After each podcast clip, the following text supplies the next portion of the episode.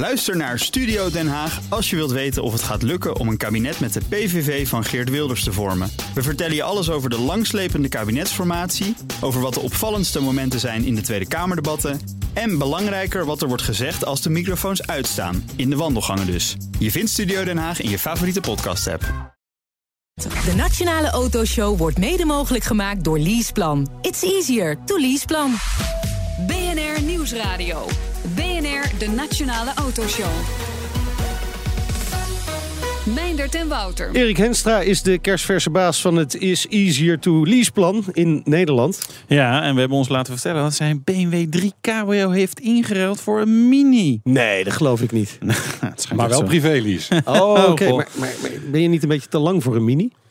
Nou ja, ik, ik was ook al te lang voor de cabrio. Dus wat dat betreft, eh, dat, gaat- dat gaat vanzelf Oh, oké. goed. Dan, dan ben je gewoon de knie opvouwen en dan eh, komt het helemaal Ja, goed. Maar een Welkom. beetje pijn doet het wel.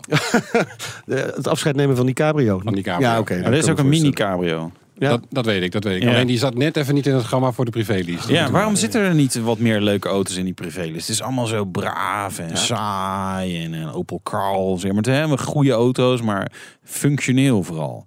Ja, maar dat zijn wel de, de aansprekende modellen voor een heleboel mensen die, eh, die serieus overwegen om privélease te gebruiken. Dus daar is wel over nagedacht. We Nou ja, hebben ook. Met, we hebben met dezelfde mini ook een actie gedaan eh, in de bij, Ja. via de Bijenkorf. Ja, maar dit is een beetje verbeter de wereld. Het begint bij jezelf. Je moet beginnen bij een leuk aanbod. Gewoon een leuk ja, golfje, Precies. golfje GTI of weet je, een beetje snelle dingen. Nee, ik, leuke denk dat, ik denk dat er heel veel mensen zijn die nu geen private lease overwegen, omdat de keuze gewoon niet zo ruim is. Nee, Ja, maar precies. het goede nieuws is wel dat wij nadrukkelijk bezig zijn. Dit zijn de campagnes die we het afgelopen jaar zijn begonnen. Het is dus relatief nieuw. Ja. En het is zonder enige twijfel de komende maanden en uh, Ja, periode we gaan hebben nu dat we eh, meer iemand aan het roer die dat gaat regelen. Zeker. Welkom een uur lang alles over auto's en mobiliteit hier op BNR. Meepraten doe je natuurlijk via Twitter, apenstaartje BNR Autoshow. Straks in deel 2 is het tijd voor de Automotive Innovation Awards. Ja. Wouter, Ja. drie finalisten hebben wij in de studio dan. ja, niet alle negen gelukkig. Dat was een beetje veel. Maar wij gaan uit die drie gewoon de winnaar kiezen. Dus eh, de rest, die andere zes mogen gewoon thuis blijven dan. nou, ik denk dat daar ook nog wel een winnaar tussen zit. Maar eh, vorig jaar hadden we het vorig jaar goed. Vorig jaar hadden we het goed. Ja, precies. We dat nog een keer? Vorig jaar hadden wij het dus. Vorig jaar hadden we het goed. Ja, hey, ehm, maar goed, dat gaan we in de tweede half uur doen. Eh eh, dan gaan we daarover praten. We praten nu dus met Erik Henstra. Sinds december vorig jaar de nieuwe Managing Director van Leaseplan Nederland. Grootste leasemaatschappij natuurlijk van ons land. Met een wagenpark van 140.000 auto's. En natuurlijk sponsor van de Nationale Autoshow. Ook nog, ja. hey, maar Meindert, Ja. eh, voordat we aan de serieuze dingen beginnen. wel- Welke auto zou, zou jij vinden dat ze in de private lease eh, moeten nemen? Iets leuks waarvan jij denkt, nou, als, maar als, als die gewoon met een gunstig maandbedrag, wat zou je dan, eh, wat zou je dan wel willen? Leuke cabrio? Ik, ik pak even een pen erbij. Hoor. Nou, nee, ja, ik, ik heb natuurlijk een gezin. Hè, dus we moeten in, Ja. in, in een mini lijkt mij toch wat, wat krap allemaal. Ook Nee, naar de winkelstop. Dus ik wil eigenlijk gewoon een eh, XC60 met een Polar eh, pakket erop. nou, ja, Ja, dat is wel, Ik heb hem hoor. Ja, heb die je? Ja, heb hij je? staat. Die Ja, staat. En ja. jij? Ja, wij hebben die BMW, X60 eh, eh, Polar M- eh, hebben we al thuis. Ja, Ja, ja, die heb je al thuis natuurlijk. Eh, ja, ik, ja, ja, ik wil wel iets, design. iets, eh, iets met een gedaan. 6 in lijn en achterwielaandrijving. Ja. wil ik. Ja, maar wel eh, met vier zitplaatsen. Dus dan is de keuze volgens mij redelijk beperkt. Maar eh, doe je best.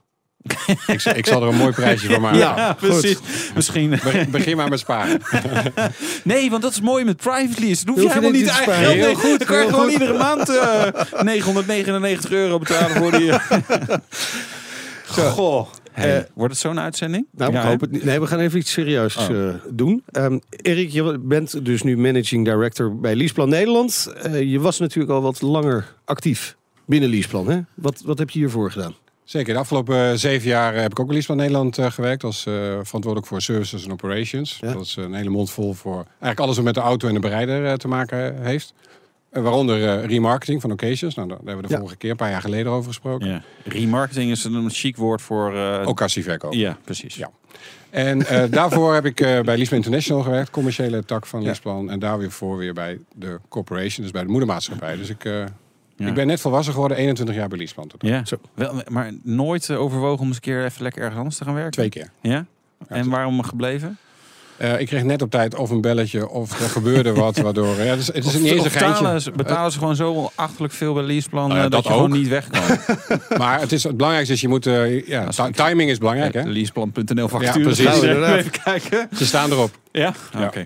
Eh, ehm, maar was dit een logische stap voor jou nu om, om eh, ja, het roer helemaal over te nemen in Nederland? Nou ja, volgens, mijn, volgens mijn cv, als je en finance, daarna commercieel en dan operationeel, dan zou je bijna zeggen, je hebt het eh, kwartetje bijna vol. Ja. Ja. Wat dat betreft zeker. En ehm, ja, wat we nu gaan doen is eigenlijk de strategie die we de afgelopen jaren al hebben vormgegeven. onder, onder voorzitterschap van, van Benno. ja.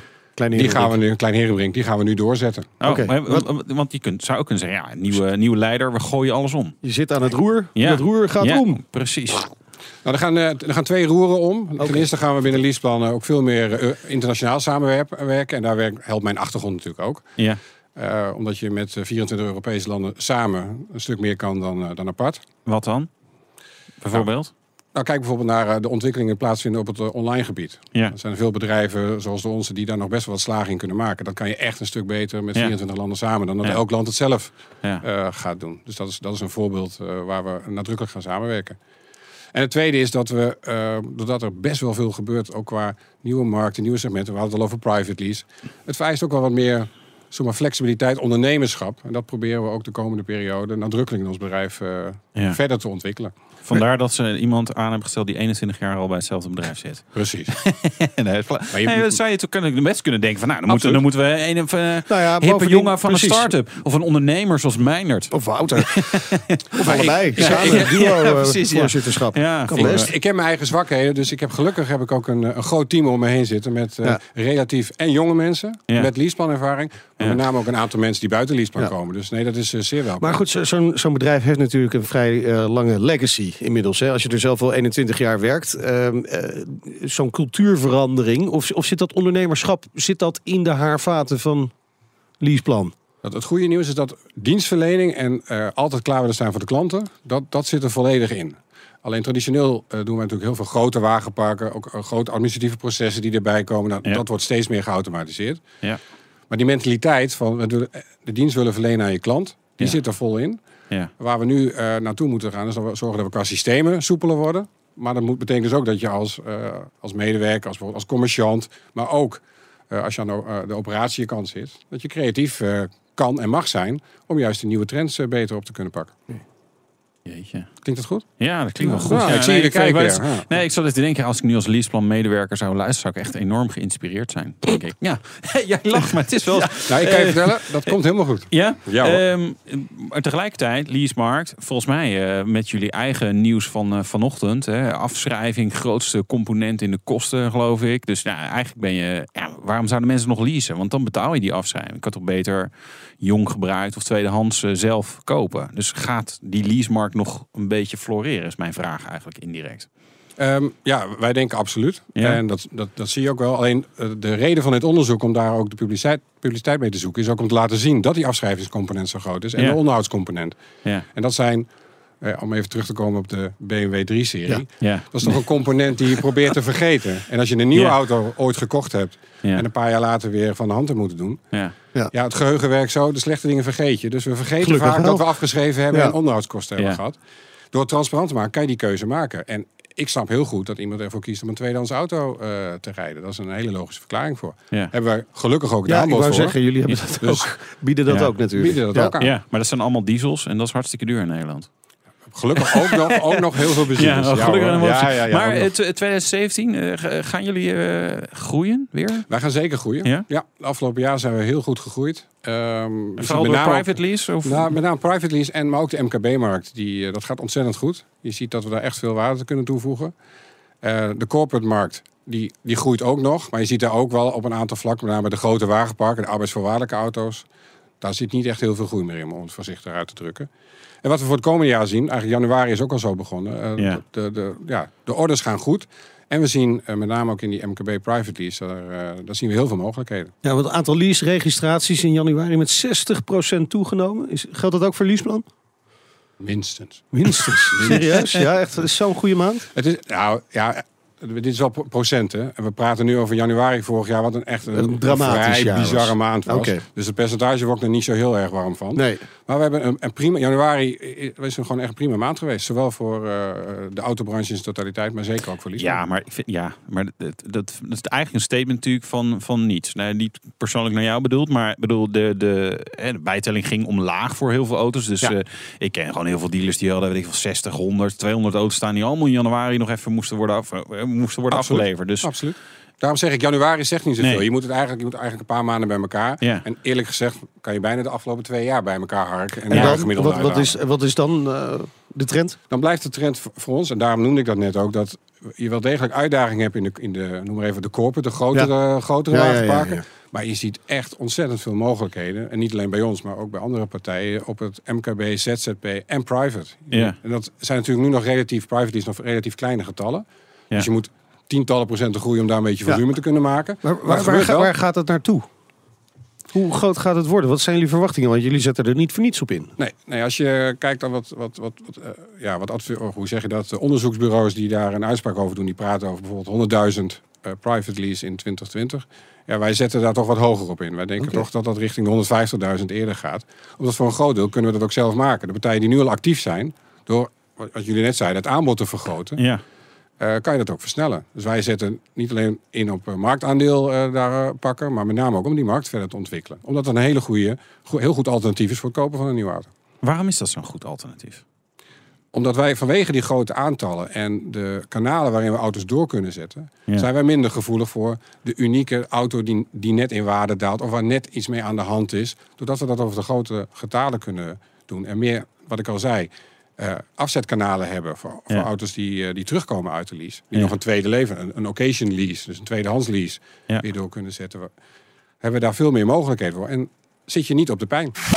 Zometeen praten we verder met de nieuwe baas van Leaseplan Nederland over de autokosten in Nederland. Daar hadden we het net al een beetje over. Maar autorijden in Nederland is nog steeds hartstikke duur.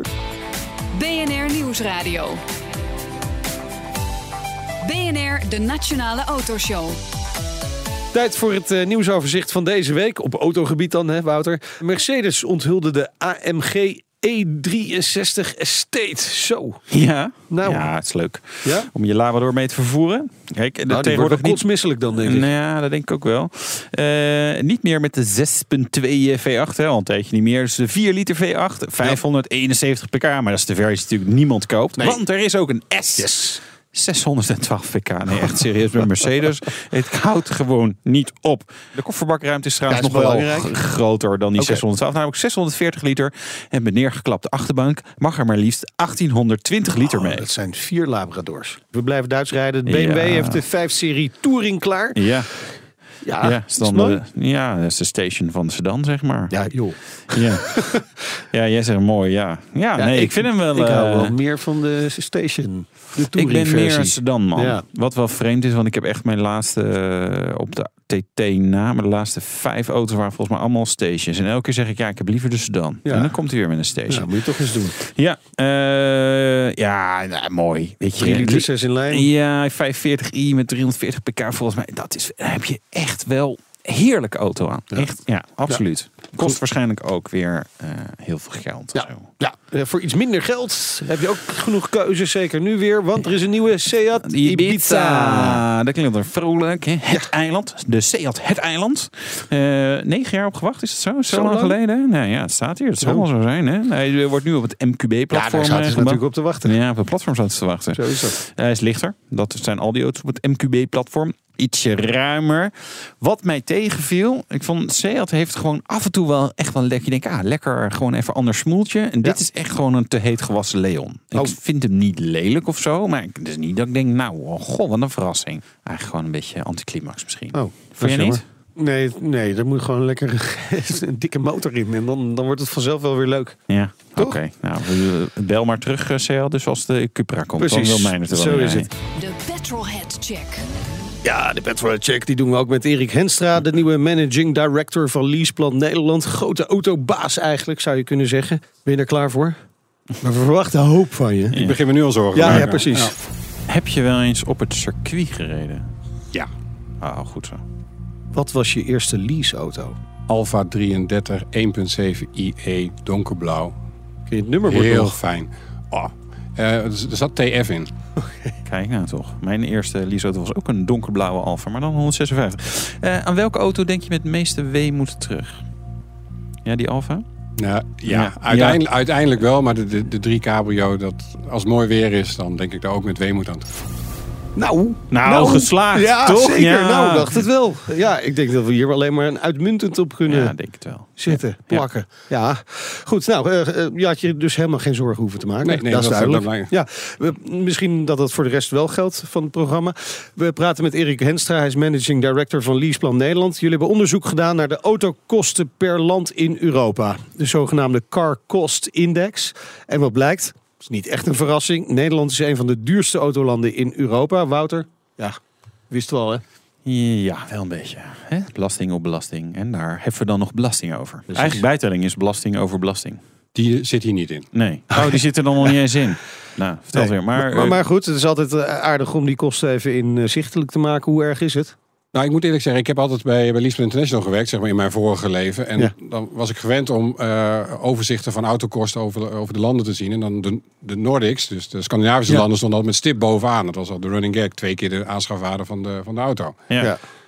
Maar als je dit lijstje bekijkt, dan doen wij, eh, wij doen niet onder voor de, voor de Scandix. Hmm, dus nee. eh, in de loop der jaren eh, zijn die autokosten echt fors, eh, fors opgelopen. En dat, je praat, nou ja, als je de, de voorbeelden hier kijkt, een, een gemiddelde diesel in de categorie Clio, eh, Golf, ehm, die kost hier zeven- bij 700 euro eh, in Nederland maand. Per maand. Ja. En Europees eh, is dat, een- is dat iets van, van, van 500, eh, ik moet ik zal het precieze getal ook nog even erbij halen. Is dat 510. Dus daar zit Ja. bijna 300 euro tussen. Kun je leuke Naar het gemiddelde. Ja, dat is wel bizar. En dat is niet alleen maar lage, bijvoorbeeld lagere lonen of lagere kostenlanden. Dat zitten ook eh, landen als Verenigd Koninkrijk, België. Dus het is, eh, ja, het verschil, ik vind het wel. eh, wel Maar waar wel ligt het aan dat Nederland zoveel duurder? Ja, belastingen, maar is dat het dan ook? Nou, het zijn twee componenten eigenlijk. Het is de, de afschrijvingscomponent, daarmee dus de aanschafwaarde. Ja. Nou, daar zit en de, de katprijs, de catalogusprijs van Ja. de auto in en de BPM, belasting. En het Ja. andere deel is inderdaad belasting. Want die twee bij elkaar opgeteld is bijna 500 euro. Ja. Oké. Maar die BPM die gaat bedoel, op, op lange termijn, is een, ja, dat is gewoon weg. Want ja, als je een auto, eh, een, een, tien jaar oude auto uit Duitsland haalt, eh, betaal je weinig BPM meer. Ja, dus ik denk wel goed Dus- om te weten. Dit zijn eh, auto's die bij ons in de database staan. Ja. Dus het gemiddelde leeftijd van, de, van ons wagenpark is zo'n 2,5 jaar. Ja, Dus en- er zijn niet, hier zitten geen 10 jaar oude auto's in. Nee, nee, oké. Nee, maar het wordt Terwijl eigenlijk daar nog wel erger. steeds want- meer van zijn. Ja. Omdat In Nederland in Nederland steeds Ja, meer als je occasions rondrijden. dik 8 miljoen auto's. En ja, wat hebben we het afgelopen jaar hebben we natuurlijk. eh, laat ik zo zeggen, in mijn leven hebben we nog niet zo weinig auto's op de weg gezet per jaar. Dat was nee, 1969 was het laatste jaar. Ja. Eh, Ja, dat is ook het, eh, dus dat het jaar van de maanlanding en zo. Check. Ja, dat is een precies. magisch jaar was dat. Maar dat klinkt ook als een hele duidelijke correlatie tussen de, de, de kosten van een auto en het aantal auto's dat op de markt wordt gezet. Toch? Ja, en, maar ook de verjonging en eventueel precies. vergroening van het Ja, ja, wagenpark ja, ja. wordt niet echt geholpen op deze manier. Nee. Nee, echt niet eigenlijk. Zeg maar. Ja.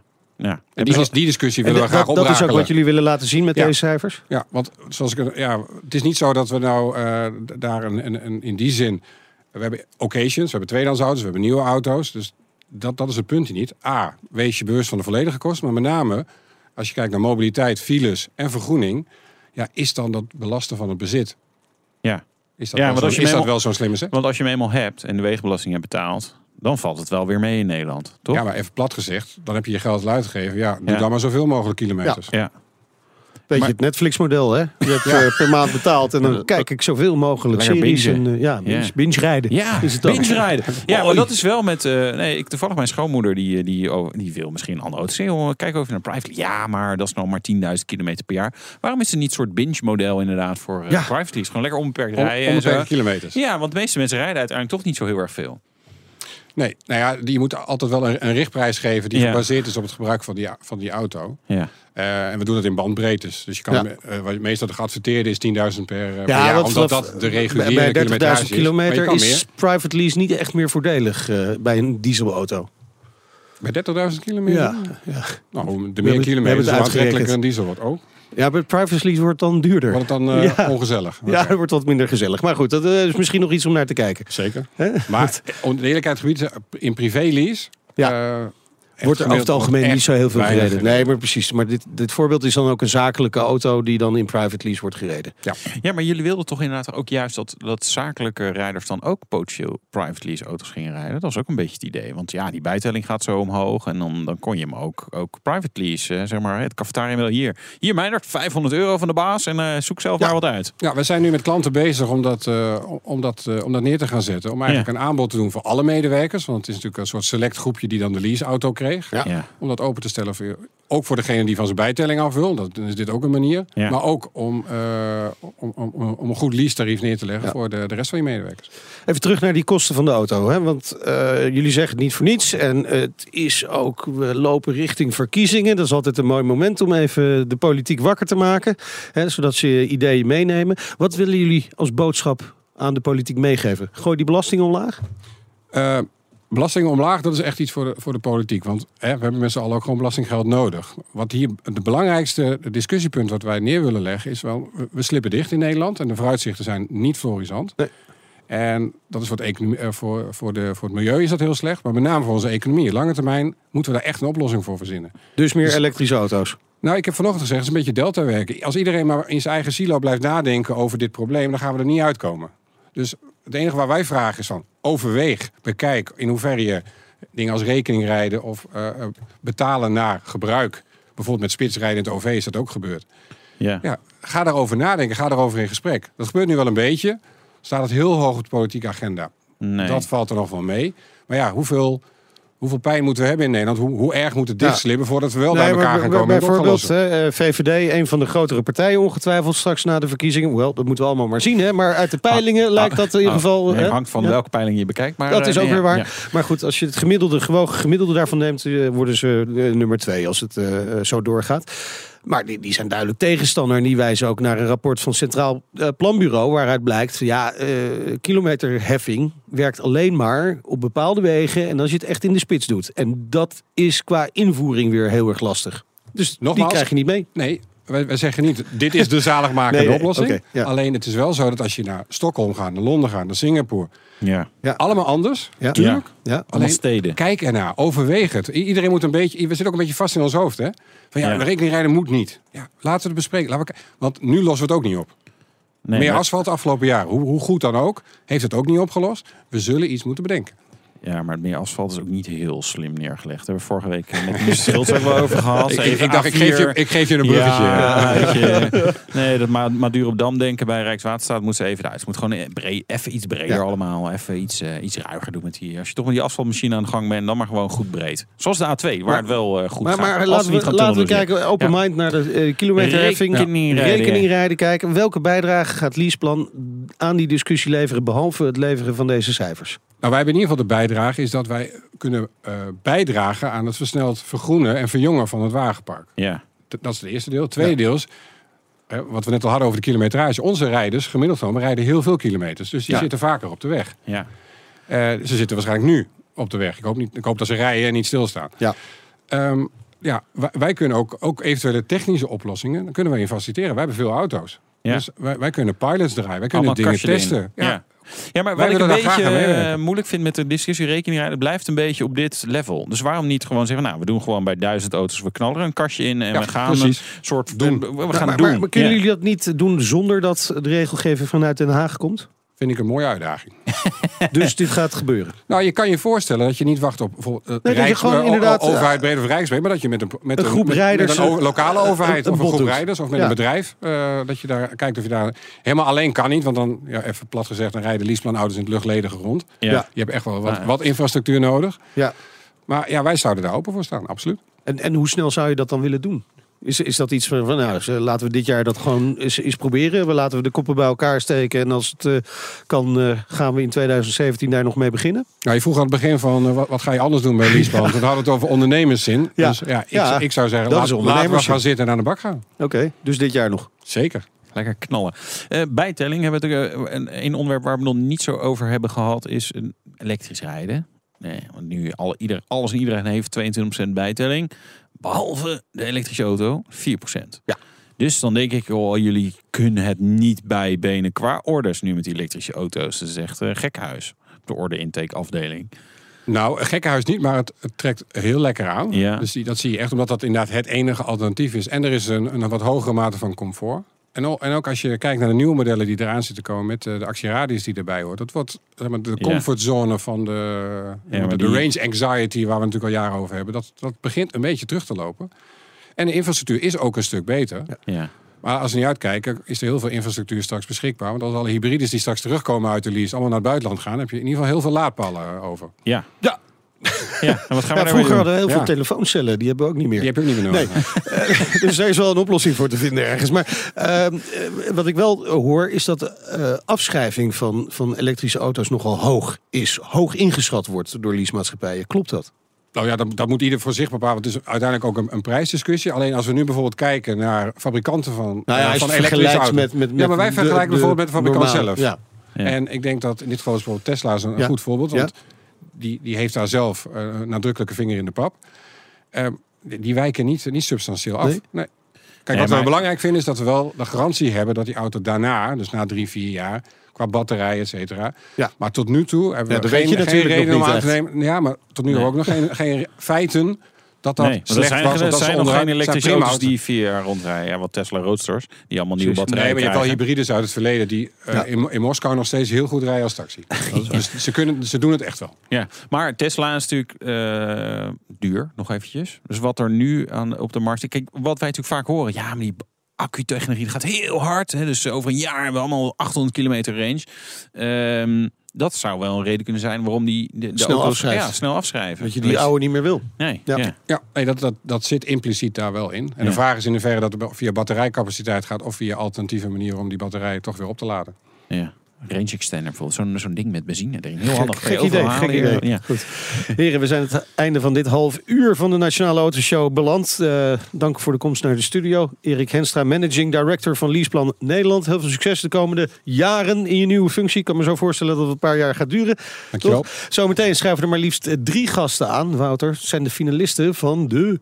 Automotive Innovation Award. En ze gaan eh, pitchen. En wij gaan een winnaar kiezen. Ja. Vorig jaar hadden we gelijk, hè? is Ik wil het het. wel even benadrukken. Zo is dat. Ja. Wij hadden gelijk. En eh, Wouter, jij eh, hebt gereden in de BMW M3 Competition Package. Ja, dat zou leuk zijn Die voor zou de ook leuk private voor de lease. private eh, lease. ja. Zit die Ja. maar gewoon twee Ja. keer. Voor 999 euro per maand. dan kom ik hem vanmiddag wel ophalen. erbij. Tot zo. De Nationale Autoshow wordt mede mogelijk gemaakt door Leaseplan. It's easier to Leaseplan. BNR Nieuwsradio. BNR, de Nationale Autoshow. Meindert en Wouter. Voel jij de spanning al een beetje stijgen, Wouter? Het Ja. is bijna zover. De finale van de Automotive Innovation Award komt eraan. Ja, dat betekent dat die innovatieve ideeën bij ons in de show gepitcht mogen worden. Ja, benieuwd of ze ons kunnen overtuigen, Wouter. Hè? never know. You never know. Straks rijden we ook in een eh, BMW M3 met het Competition Package. Het kost maar liefst 7000 euro. En daarvoor krijg je 19 pk extra. Ja, dat is heel snel gerekend. Doe jij meestal maar 370 euro per pk. Ja. Dat is niet goedkoop, maar Nee, wel leuk. Ja. Ja, en hij komt natuurlijk eh, bij Leaseplan in een private lease voor 999 euro per maand. Dat hebben we net afgesproken. Dus dan valt het allemaal wel weer Ja, mee. dan gaat, is het goed te doen. Is het goed te doen. Ja, nee, je krijgt er meer voor. Goed, heb je een vraag of wil je met ons meepraten? Bijvoorbeeld over de pitches die er zo aankomen. Dat kan natuurlijk via Twitter, apenstaartje BNR Autoshow. Op 13 februari worden de winnaars van de Automotive Innovation Award bekendgemaakt. Dat is eh, de prijs voor baanbrekende innovaties in de automotive sector. Er zijn in totaal drie categorieën en we hebben drie finalisten te gast uit de categorie Challenging Concepts. Ja, dat vonden we de meest spannend Ja. klinkende. Hè? Ja, dus dachten, nou, doe die maar dan. Challenging Concepts. Ja. Nou, van de TU Eindhoven, eh, team TU Ecomotive, is hier Nout van de Gevel. Welkom, leuk dat je er bent. En we hebben de Dutch Green Carbon, eh, dat is eh, Martijn Lopez Cardoso. Eh, Kom je ook bij de microfoon staan? Dat zou wel fijn zijn. Ja, je hangt het even lekker achterover in de studio. een beetje even, ontspannen Even voordat ontspannen. je die topprestatie moet Ja. leveren. En last but not least, eh, Jessie Harms van Solar Team Eindhoven. Welkom allemaal, leuk dat jullie er zijn. Ehm, we gaan eerst even een eh, kort rondje doen. Waarom doen jullie mee aan de Automotive Innovation Award, Jessie? Eh, wij bouwen een gezinsauto op zonne-energie. En dit is natuurlijk eh, super innovatief en nieuw. En dat moet uitgedragen worden naar de rest van de wereld. Kijk, Martijn. Nou, ik vind het een hele mooie manier om te laten zien dat je op automotive gebied hele innovatieve oplossingen kan bedenken. En eh, nou, wij brengen dus met banden eh, een innovatie. Het is echt Ja. een categorie waar natuurlijk niemand aan denkt. Nee, precies. Dat is eh, zeker naar de korrels op de voetbalvelden niet meer waarschijnlijk. Eh Nout? Ja, ik ben hier eigenlijk om dezelfde reden als Jesse. Eh, ook een studententeam uit Eindhoven. En wij willen ook onze innovaties eh, op de automotive sector naar de wereld toe brengen. Goed, nou dan gaan we dan eh, zo doen. Het gaat als volgt. Ieder krijgt straks 30 seconden om te pitchen. Daarna zullen Wouter en ik het, eh, jullie het hem- lijf van het hemd eh, vragen. Het hemd van het lijf moet ik eigenlijk zeggen. Hè? Ik begin nu al te Spreekwoorden, Ja, Jan, dat is mooi. niks voor jou. oh, fout. Eh, uiteindelijk kiezen wij gewoon een winnaar. Twee jaar geleden, ik zeg het nog maar eens. Al Ja, erbij. ja, ja, wel, hè? ja, ja, wel, wel, dat dat is goed. hè?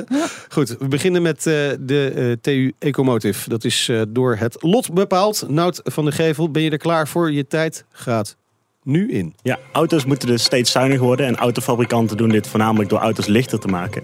Eh, echter weegt de energie eh, die je eh, bespaart door lichter te zijn tijdens het rijden vaak niet op tegen de energie die je erin moet stoppen om die auto lichter te maken. Eh, materialen zoals aluminium en koolstofvezel kosten bijvoorbeeld vijf keer meer energie dan staal, het materiaal wat ze vervangen. En wij hebben een oplossing gevonden en dat is vlas. En eh, de vezels van deze plant kunnen wij, eh, kunnen wij composietmateriaal van maken wat heel erg sterk is en 90% biologisch. Wij gaan met TE Ecomotive dus de eerste structurele biocomposiet stadsauto bouwen. Bijna helemaal in de 30 seconden. Bijna Keurig. helemaal. Waarom gebeurt het nu dan nog niet? Want vlas is niet iets nieuws.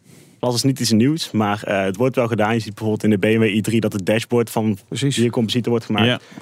Ehm, ik denk dat het te duur is om nu eh, complete auto's daarvan te bouwen. En wij zijn dus onderzoek aan het doen om te kijken of het mogelijk is om van die biocomposieten dus ook structurele onderdelen te Ja. maken. Maar ja, de vraag is natuurlijk, is het uiteindelijk ook echt sterk genoeg? Ja, dat is inderdaad de vraag en wij gaan dat bewijzen. En wij hebben heel veel, bereken- heel veel berekeningen gemaakt en Ja. wij, eh, wij zijn ervan overtuigd dat het gaat lukken. Ja. Maar weet je wat leuk is aan staal? Als je daar een deuk in eh, trapt of in rijdt, omdat er een lantaarnpaal in de weg stond of zo. eh, ja, dan kan je even met een hamertje klop je het eh, weer uit en trek je het weer recht. En ik denk met die composiet, dat versplintert en dat is allemaal niet eh, te repareren. Ja, dat wordt inderdaad een stuk moeilijker. En dus, ja, we hebben bijvoorbeeld twee jaar geleden hebben we een modulaire auto ontworpen. En daar zijn de componenten dus modulair. Dus als er dan iets kapot gaat, is het ook Ja. eh, simpel te vervangen. Ja, maar dan en zou je op die het, manier dan zou je het dus ook, ook goedkoop willen maken eigenlijk. Hè? Nou ja, als je het uiteindelijk wil commercialiseren, dan is Ja. dat wel de bedoeling. Ja. Ja, en dat, dat gaat lukken. Hebben jullie daar al over nagedacht? Nou, dat is iets wat een beetje buiten onze, onze range zit. We gaan vooral kijken of het mogelijk is om, eh, om het uiteindelijk een auto van te bouwen. Is die markt er echt voor eh, jullie eh, materialen? De markt zelf is er niet, maar we denken dat we die wel kunnen creëren. Want er is natuurlijk wel een vraag naar materialen die erg licht zijn en heel erg sterk in de automotive industrie. Ja, dus je zou kunnen zeggen, die markt is er wel. Alleen ze moeten nog eh, jullie product gaan eh, vinden zodra jullie het echt bewezen hebben en Ja, gemaakt hebben. juist. Hey, eh, tot slot, is even een beetje gemeen, maar hebben wij gewoon nog een eh, petrolhead check vraag. We willen even weten of er een beetje ook ja, olie door de aderen vloeit bij jullie. Eh, en die kan het verschil maken, hè, deze vraag. Dus eh, ja, goed. Ja. Wat is het hardst wat je ooit hebt gereden? Poeh, 260. Denk ik. Ah, dat is Dat is wel oké. oké. Dat is wel is ja. Goed, we gaan... In de eh, spits was dat natuurlijk. In de spits, ja. met, met, met een eh, bus of zo. Goed, we gaan eh, door met pitch nummer twee. Die komt van Dutch Green Carbon. Martijn Lopez Cardozo. Ben je er klaar voor? Ja hoor. Daar gaat hij. Wist je dat elk jaar meer dan een miljard autobanden bijkomen? Dit is een heel groot probleem. Want in heel veel plekken worden die verbrand eh, of weggegooid en wij vinden dit zonde. Dus daarom hebben we een nieuwe innovatie samen met de Cargo Groep bedacht... om eh, deze banden op een eh, nieuwe manier te herwinnen... waardoor we carbon black kunnen krijgen. Nou, en dat carbon black vind je eigenlijk overal om je heen. In eh, inkt, verf, andere toepassingen. En de eerste fabriek hebben we inmiddels gebouwd. En nu willen we het wereldwijd uitrollen. Ja, Carbon Black, eh, je bent eerder bij mij in een uitzending geweest klopt, eh, bij eh, BNR Eye-Openers over Carbon Black, om daarover te praten. Maar rubber recyclen, daar worden we, krijgen we natuurlijk wel een beetje de bibbers van. Hè? Sinds de korrels op de voetbalvelden, de kunstgrasvelden. Nou, het mooie is dat. nee, ik volg het natuurlijk een beetje van afstand. Maar ik zag het laatste bericht was dat er een, in ieder geval een, een conclusie, heldere conclusie van het RIVM gekomen was. Dus ja, ik begreep in ieder geval dat er nu duidelijkheid is, gelukkig. Ja. Maar maar is dat vernieuwend genoeg? Rubber recyclen. Nou ja, als je, je moet je eens voorstellen, Wouter, als je een miljard, een miljard banden hebt Ja. per jaar. eh, en eh, in, in Nederland zijn er dan natuurlijk die kunstgrasvelden. Maar wereldwijd zijn er natuurlijk veel meer banden dan kunstgrasvelden. En er zijn niet echt de goede toepassingen voor. Nee. En als Maar- je ziet wat de implicatie is voor, ehm, voor het milieu, zowel aan de afval, maar ook aan de productie van al die banden, Ja. is er een enorme milieuwinst te halen. Ja, maar dan denk ik 1 miljard banden, dat wordt dan een hoop inkt en verf. Dat of klopt. zijn er nog meer toepassingen waar, ik bedoel, inkt en verf, dat lijkt me, dan ga je 1 miljard banden daarin stoppen, dat wordt ook wel veel. Ja. Nou, het meeste gaat dus zeg maar 70% van alle carbon black kan weer terug in de banden. En dus dat is heel mooi. Dus eh, we zijn bijvoorbeeld met bedrijven als Michelin en Goodyear zijn we in de weer om dat te doen. Maar bijvoorbeeld ook in misschien voor jou een goede toepassing mascara. Ja. ja, de mensen die Ja. eh, de webcam zien nu, in ieder geval, Ja. die kunnen zien dat Ik jij een groot wimp- gebruiker bent van uh, mascara. Nee, ik heb gewoon van mezelf al lange wimpers. Ja. Ja. Nou ja, daar staat het heel mooi op. Maar dat is in ieder geval een idee. En dat is het carbon black. Dat, dat, dat is eh, die, die, die, eh, die echt zwarte inkt. Maar daar kun je dus enigszins naar een circulaire economie. Dat het gewoon weer terugkeert in nieuwe banden. Ja, maar dat is precies het idee. Hè? Dus zeg maar dat je het uit banden kan halen. En dat je het daarna weer terug in banden kan halen. En wat daar heel belangrijk bij is, dat je het kan doen zonder kwaliteitsverlies. En op die manier kan je feitelijk die cirkel blijven herhalen. En hoef je niet, heb je geen aardolie nodig. Want op dit moment heb je 2,5 liter aardolie nodig om 1 kilo van dat poeder te maken. En dat is natuurlijk een enorme verspilling van fossiele brandstoffen. Ja, dan kunnen we beter in een M3 keeperen, bijvoorbeeld. Toch? Ehm, maar hoeveel pro- procent van de band kan je daadwerkelijk recyclen? Nou, als je zeg maar een band neemt, bestaat die uit drie componenten. Je hebt eh, eh, carbon black, waar we het over hebben gehad, staal en rubber. Nou, het staal wordt er eigenlijk al uitgehaald en dat kan je al 100% recyclen. Carbon black, wat dan overblijft, ongeveer 40%. En de, en de rest is feitelijk rubber. En dat zetten we om in energie. Dus eigenlijk alle drie Dat verbrand je dus. ja, Nou, elektriciteit. Dus je, voor het proces heb Ja. je ook eh, heb je, voor het proces heb je dus ook energie nodig. Ja. Dus we kunnen een groot deel van wat we nodig hebben in het proces, kunnen we eigenlijk uit de, uit de band halen. Ja, Ja, maar je zegt elektriciteit, maar die elektriciteit is er niet zomaar natuurlijk uit die rubber. Ja. Je, moet, je moet het gewoon verbranden. Dat is een w, ja, wat ze noemen een WKK. Hè? Dus dan eh, eh, krijg je zeg maar de elektriciteit en dan benut je ook de warmte. Yeah. Verbranden dus. Nee, je zou ook Nou ja, kunnen het ene verbranden, het ene verbranden is het andere niet. Dat Nee. Nee, dat nee. Maar, maar, Ja. maar zou je er ook niet iets anders mee kunnen doen, dat rubber? Daar kun je toch ook wel weer eh korrels Nou, van maken? Of, of, of, kunstgras voor Ja, kunstgras. kunstgras. of, of, Nee, of dus- nou, bijvoorbeeld hoe- vloermatten, om maar iets te noemen. Ja, nou, hoe, eh, eh, hoe het in ons proces vrijkomt, is feitelijk verhitten we het tot hele hoge Oké, temperaturen. Je hebt, dus komt je hebt dat vrij. nodig om die carbon dus black het- eruit te halen. Precies, het eigenlijk verdampt het in het proces. Ehm, wat we wel hebben gevonden, onder, onder andere met de Universiteit Eindhoven, dat is in, feitelijk in dat gas en die olie zitten hele interessante componenten. Dus als wij ongeveer 10 fabrieken hebben gebouwd en genoeg volume hebben, kunnen we dat in een, eh, opnieuw in een raffinage, raffinaderij stoppen. En dan kan dat ook weer omgezet worden in producten. En dat zouden wij natuurlijk liefst willen. Ja. Eh, Wat is de scope? Wanneer moeten die fabrieken er zijn? Nou, de eerste staat er. En ehm, we hebben in, eh, in, in twee landen hebben we al plekken waar men nieuwe fabriek wil, neer, neer wil zetten. En we zijn één partij in gesprek die heeft genoeg banden om er 100 te bouwen. Dus, en in totaal zijn er genoeg banden om er meer dan duizend te bouwen in de wereld. Oké. Nou, dan gaan we nu nog naar eh, de slotvraag. De petrolhead check. De vraag die het verschil kan maken. Oeh. in het kader van die petrolhead check. Wat was je hoogste verkeersboete? Oeh. ja, volgens mij, ja, dat was mij nog in guldens. Dat was al een tijdje Nou, dat geleden. rekenen we wel op. ja, volgens mij 460 gulden. Zo, Ja. wat had je gedaan? Ja, volgens mij was het. eh, ja, wat was het? Het Moet volgens mij bellend door rood zijn gereden of zoiets. Ja. Zoiets. Dat was Martijn Lopez Cardozo van de Dutch Green Carbon. We komen zo bij eh, hem eh, terug. En nog bij de derde finalist natuurlijk in de categorie Challenging Concepts van de Automotive Innovation Award. Maar we gaan ook rijden met de BMW M3 Competition Package. Klinkt goed man. Ja, 999 euro in de prijsverlies. Zo is dat. BNR Nieuwsradio.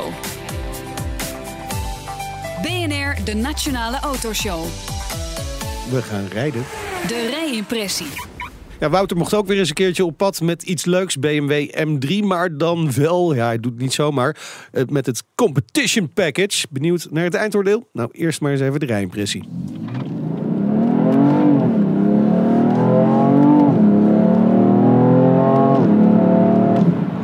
Ja, dit is natuurlijk wel feestelijk. En iets in mij wil zeggen van ja, maar echt heel relevant voor jullie luisteraars is dit niet. Hè? Want ja, wel echt wel exotisch.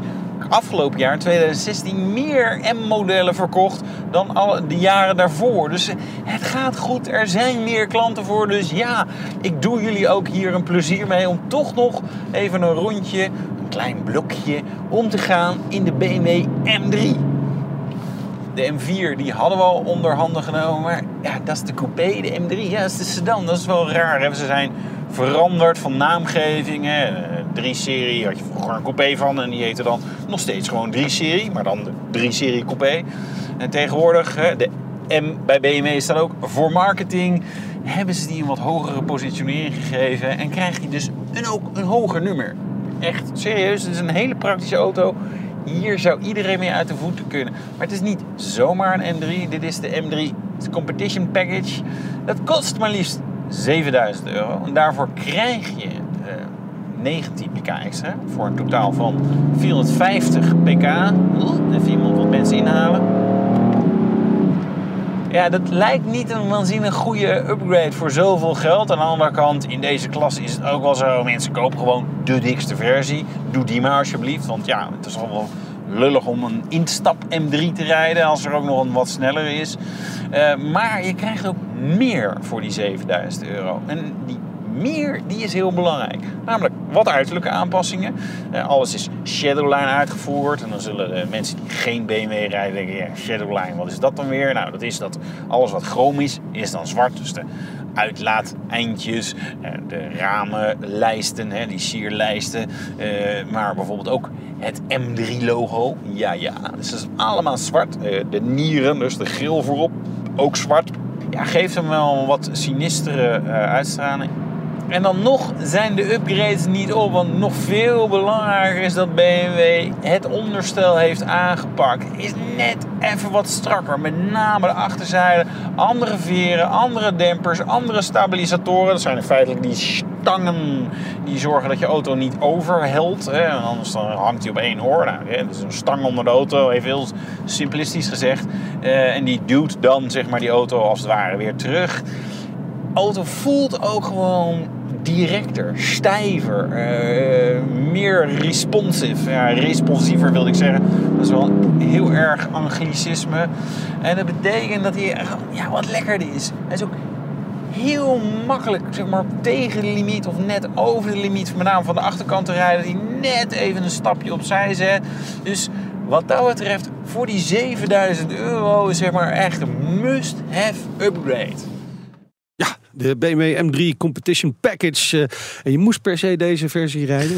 Ja, de 3-serie was natuurlijk gefacelift, hè? Ja. Alweer anderhalf jaar geleden volgens mij. Maar nee, ja, weet je. Moet ik overal een reden voor hebben? Moeten we overal een reden voor hebben in het leven? Nou, ja, als je, vooral als je er blij van eh, wordt, Ja. dan heb je echt verder geen reden nodig. Nee, volgens nee ik word er weet je wel dat blij. wel. Ja, ik word er wel Toch? blij van, ja. Stond leuk op de opritten ook wel. Ja. Ja, en je hebt een gunstige private lease deal eh, kunnen maken. Want wat, als je hem nieuw koopt, Ja, wat was het? Volgens mij was deze was 140 of zo. dan ga je met je Daar, afschrijving, joh. Nou ja, Keihard. Ja, er zit wel redelijk wat belasting op inderdaad. Goed, ja. brengt ons bij het eindoordeel. Een 10 met een griffel. Een team met een griffel. Ja. We hadden eigenlijk, eh, wilden wij, en, eh, hier dat- doneren wij een nier voor. Ja, maar dat- dat, heeft eh, Station Voice geweigerd in te spreken of zo. Of nou, het is hem kwijt. Of een van, de nou, iets anders. Maar hier doneren wij een nieuw voor. Ja, het is wel Toch? echt- hier kan, je kan gewoon je kinderen meenemen. Je kan iedereen het snot voor hun ogen rijden. Weet je, het is toch een ideale auto? Het is een ideale auto, zo'n M3 sedan. En voor 999 euro in de prijs. in de private lease bij Leaseplan. BNR Nieuwsradio. BNR, de Nationale Autoshow. We gaan verder met de finalisten van de Automotive Innovation Award. We hebben twee pitches gehad. Het is nu tijd voor nummer drie. En die pitch komt van eh, Solar Team Eindhoven. Jessie Harms, last but not least, zullen we maar zeggen. Ben je er klaar voor? Jazeker. Tijd gaat nu in. Solar Team Eindhoven bouwt aan een gezinsauto op zonne-energie. Maar we maken veel meer dan een gewone zonneauto. Onze auto is namelijk energiepositief. Dat betekent dat hij meer energie overhoudt dan dat hij verbruikt. Nou, dat is natuurlijk heel mooi. Maar met deze energie kunnen we ook wat doen. En daarom willen we deze energie terugladen naar het huis. Dat gaan we doen zelfs. Dus dan kan je een kopje koffie zetten en een wasje draaien met de energie die over is van je auto. Daarnaast wordt onze, onze batterij dus ook een buffer van het energie-ecosysteem, van het energienet. En zo maken we dus echt een connectie tussen het huis en de auto. Klaar. Hoe zorg je ervoor? Want ik heb altijd begrepen dat zonne-energie is leuk, maar zoveel levert het nou ook weer niet op. Hoe, kom je, hoe regel je dat je er en een flinke afstand met het gezin op kunt rijden. En dan ook nog dat wasje kunt draaien. Nou, onze auto is ten eerste van ander materiaal gemaakt, van carbon. Dus het is een hele lichte auto. Hij is maar 370 kilo. En eh, daarnaast hebben we gewoon de nieuwste technologie en de efficiëntste zonnecellen. En zo komen we dus uit op een super efficiënte auto. Het is daarna is ook de vorm heel erg. De vorm, als je de auto zou zien, is een hele andere vorm. Super aerodynamisch. En daar moeten we eigenlijk ook Zo naartoe min in de mogelijk luchtweerstand dus. Precies. Ja. Ja, maar nu kijk ik naar buiten, is het een beetje donker. De zon schijnt niet echt. Dan, eh, maar dan blijf je gewoon thuis. Want Ja, dan hoef je toch niet ergens naartoe. Het is lekkerder om dan gewoon thuis te blijven. Lekker de open haard aan. Ja, lekker open haar. CO2-stoker. ja, gewoon hout eh, van het geverfde hout erin. nee, maar wat, wat doe je als de zon niet schijnt? Eh, nou, de auto is dus altijd energiepositief. Dat Ja. betekent dat een gemiddelde gebruiker, die, gebruikt, die rijdt op een dag 37 kilometer. Ja. Maar onze auto kan in de zomer 350 kilometer rijden, puur op zonne-energie. Ja. En maar zelfs in de winter in Nederland op een bewolkte dag kan hij nog 47 kilometer rijden. Ja. Dat hebben jullie allemaal getest. Ja, en op een eh, zonnige dag in Australië, want daar gaan we natuurlijk heen met onze auto Ja. naar de World Ja. Solar Challenge, eh, kan hij maar liefst 1000 kilometer rijden, puur Ja. op zonne-energie. Ja, maar dan moeten we dus eigenlijk nog even flink doorblaffen met eh, CO2 de lucht in. Wordt het warmer, gaat de zon meer schijnen. En dan, maar dan gaat het pas echt werken, zo'n eh, zonneauto. Want in Australië doet hij het beter. Ja, zo werkt het natuurlijk niet. We willen natuurlijk eh, zo duurzaam mogelijk gaan leven met Ja. z'n allen. Nou, hij heeft de afgelopen vier jaar, minister Schultz, eh, de, de maximumsnelheid op de Nederlandse wegen veelvuldig verhoogd. En eh, de A2 komt er ook aan. Het gaat allemaal naar 130 kilometer per uur. Kan de auto een beetje mee.